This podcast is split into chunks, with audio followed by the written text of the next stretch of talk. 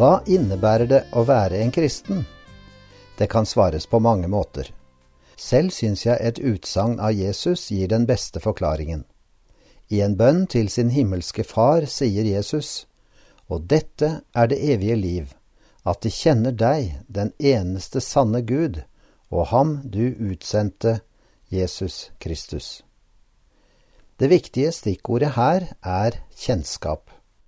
Overfor mennesker kan vi si at vi kjenner hverandre mer eller mindre godt. De som kjenner hverandre aller best her i verden, er ektefeller, og det er et veldig nært forhold mellom foreldre og barn. Dette kan være som bilder på det kjennskapet en troende har til Gud og Jesus. Det er nært, men på en litt annen måte.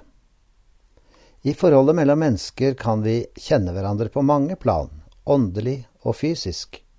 Men hvordan kan vi kjenne Jesus? Hvordan kan vi kjenne Gud? Det må jo være et av mine viktigste prosjekter på en måte i denne verden, å bli kjent med dem og siden leve i et nært forhold. Fins det personer som har mer anlegg for det religiøse enn andre? Uansett, religiøse følelser, religiøs innsikt og sans for det overnaturlige er ikke noe å bygge på. Paulus lå på topp når det gjaldt religiøse kvalifikasjoner, men han sa at jeg akter i sannhet alt for tap, fordi kunnskapen om Kristus Jesus min Herre er så mye mere verdt. Hva var som skrap og søppel for Paulus? Ja, faktisk var det alle de religiøse evnene og kvalifikasjonene hans. Hva var stort og viktig og en topp prioritert for apostelen? Det var å ha kunnskap om og kjennskap til Jesus Kristus, hans gode Herre. Og dette kjennskapet fant han ikke ved hjelp av en slags religiøs legning eller religiøs aktivitet. Hva innebærer det da å leve på en slik ny måte? Jo, det er å bli funnet i ham ikke med min egen rettferdighet, den som er av loven, men med den jeg får ved troen på Kristus, sier Paulus. Han uttrykker det altså slik å finnes i Kristus Jesus. I det samme Filippe-brevet sier han at for meg er livet Kristus, eller for meg er det å leve Kristus. Her er altså snakk om en nesten mystisk forening med eller et inderlig fellesskap med Kristus. Hvordan får jeg så et nært forhold til Jesus? Hvordan kommer jeg i kontakt med Gud? Ikke ved hjelp av fornuft og forstand. Da de kristne i Korint ble vunnet, var det ikke med mesterskap i tale eller visdom. Nei, det handlet egentlig bare om det store og sentrale Jesus Kristus og Han korsfestet. Men må ikke følelsene spille en viktig rolle? Eller viljen? Nei, svarer Paulus, så beror det altså ikke på den som vil, eller på den som løper, men på Gud som viser miskunn. Å være en kristen innebærer å leve tett og nært sammen med Jesus, i inderlig kjennskap til og fellesskap med ham. Jesus beskriver det med et bilde fra planteriket der alle delene av trær og planter er avhengig av et nært samliv. Jeg er vintreet, sier han, dere er greinene. Den som blir i meg og jeg i ham, han bærer mye frukt, for uten meg kan dere intet gjøre. Paulus bruker bildet fra dyreriket også. Dere er Kristi legeme, og hver for seg hans lemmer. Da kan vi spørre enda mer konkret. Hvordan virkeliggjøres dette nære samlivet, denne intime kontakten, det personlige kjennskapet? Svaret er gjennom Guds ord, gjennom dåpen og gjennom nattverden. Disse kaller vi gjerne for nådemidlene. Nå vil vi gjerne først tenke på Guds ord som det første og fremste nådemiddelet. Hva er så Guds ord til oss? Det er ordet om frelsen ved Jesus. Budskapet om denne fullkomne frelsen kaller vi evangeliet, og det ordet har en skapende og rensende virkning. Jesus sa til disiplene sine, Dere er alt rene på grunn av det ordet som jeg har talt til dere. Apostelen Peter peker også på den sentrale rollen ordet fra Jesus spiller i en kristens liv. Herrens ord blir til evig tid, og dette er det ordet som er blitt forkynt dere ved evangeliet. Det var apostlene som forkynte det til mennesker med hedensk bakgrunn, og de ble forvandlet ved kraften i evangeliet. Paulus minner de kristne i Tessalonika om hva som hendte. Da dere fikk det ordet som vi forkynte, så tok dere imot det ikke som et menneskeord, men som det i sannhet er, som Guds ord, som virker med kraft i dere som tror. Vi skjønner at apostlene da spiller en sentral rolle i å ha gitt oss det nådemiddelet som ordet er. Den rollen har de ikke tatt seg til på egen hånd. Jesus ba mye for apostlene i sin såkalte yppersteprestelige bønn. Der viser han til en kommende budskapsoverlevering fra seg selv via apostlene til alle som senere ville bli kristne. Jeg ber ikke bare for disse, sa han, men også for dem som ved deres ord kommer til tro på meg. Ja, Jesus kunne si, Den som hører dere, hører meg, og den som forkaster dere, forkaster meg, og den som forkaster meg, forkaster ham som har sendt meg. Dermed ga Jesus fullmakt til apostlene å formidle ordet hans videre.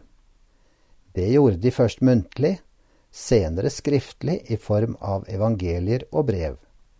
De første kristne, etter deres tid, ble fort overbevist om hvilke skrifter som stammet fra apostlene og deres hjelpere, og de ble samlet til den skriftsamlingen vi kaller Bibelen.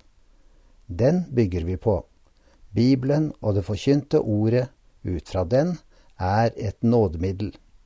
Bibelen gir del i en livsstrøm som skaper tro og liv. Men hvorfor har vi da Det gamle testamentet med i Bibelen? Fordi Jesus ville det slik.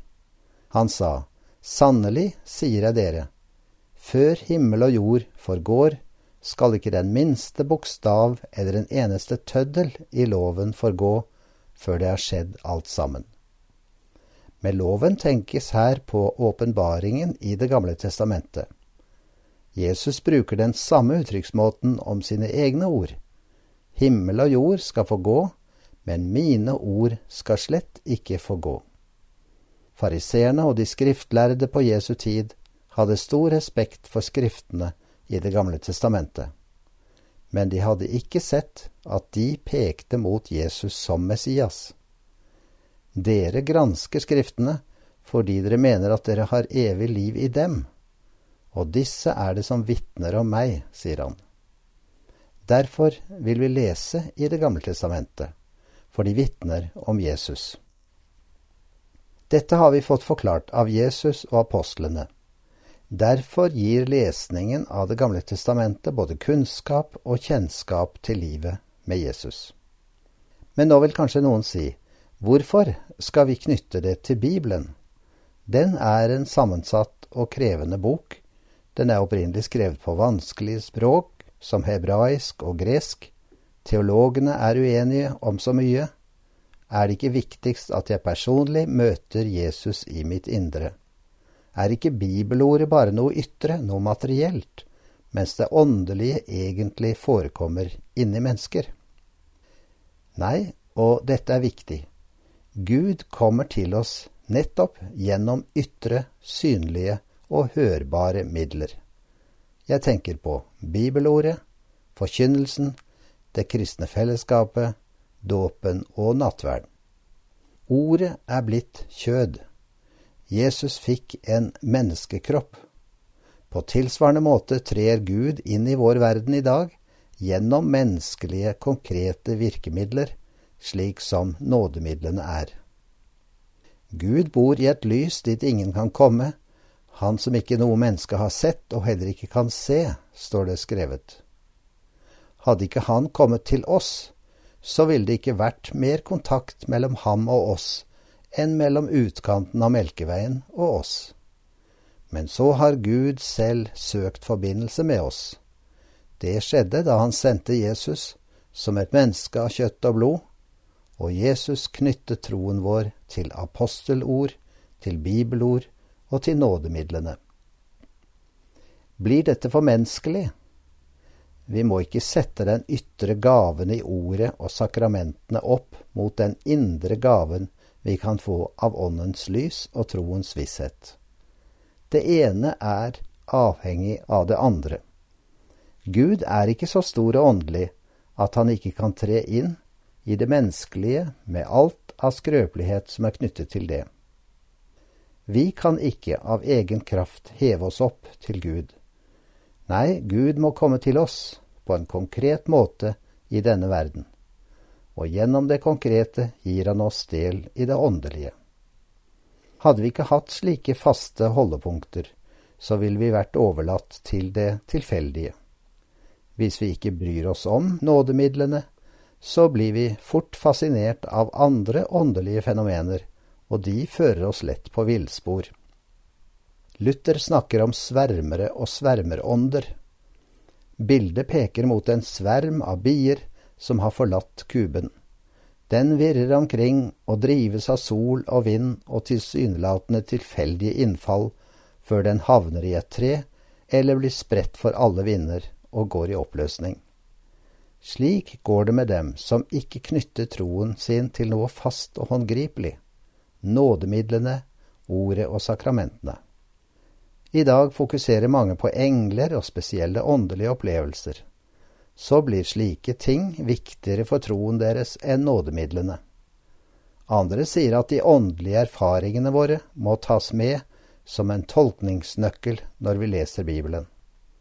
Slik ledes mange inn i svermeri. Skriften alene må være læremesteren vår, ellers blir vi ført vill av alle slags åndelige motemeninger. Det er Guds ord, Guds egen sannhet, som skaper tro i hjertene våre. Derfor, hvis du vil vinne troen, har du ikke noe annet å gjøre enn å leve i sannhetens tankeverden, der Guds ord får påvirke deg hver eneste dag. Overfor Guds ord skal man ikke gruble, sier Luther, men overfor det skal man være stille og la fornuften bøye seg for det.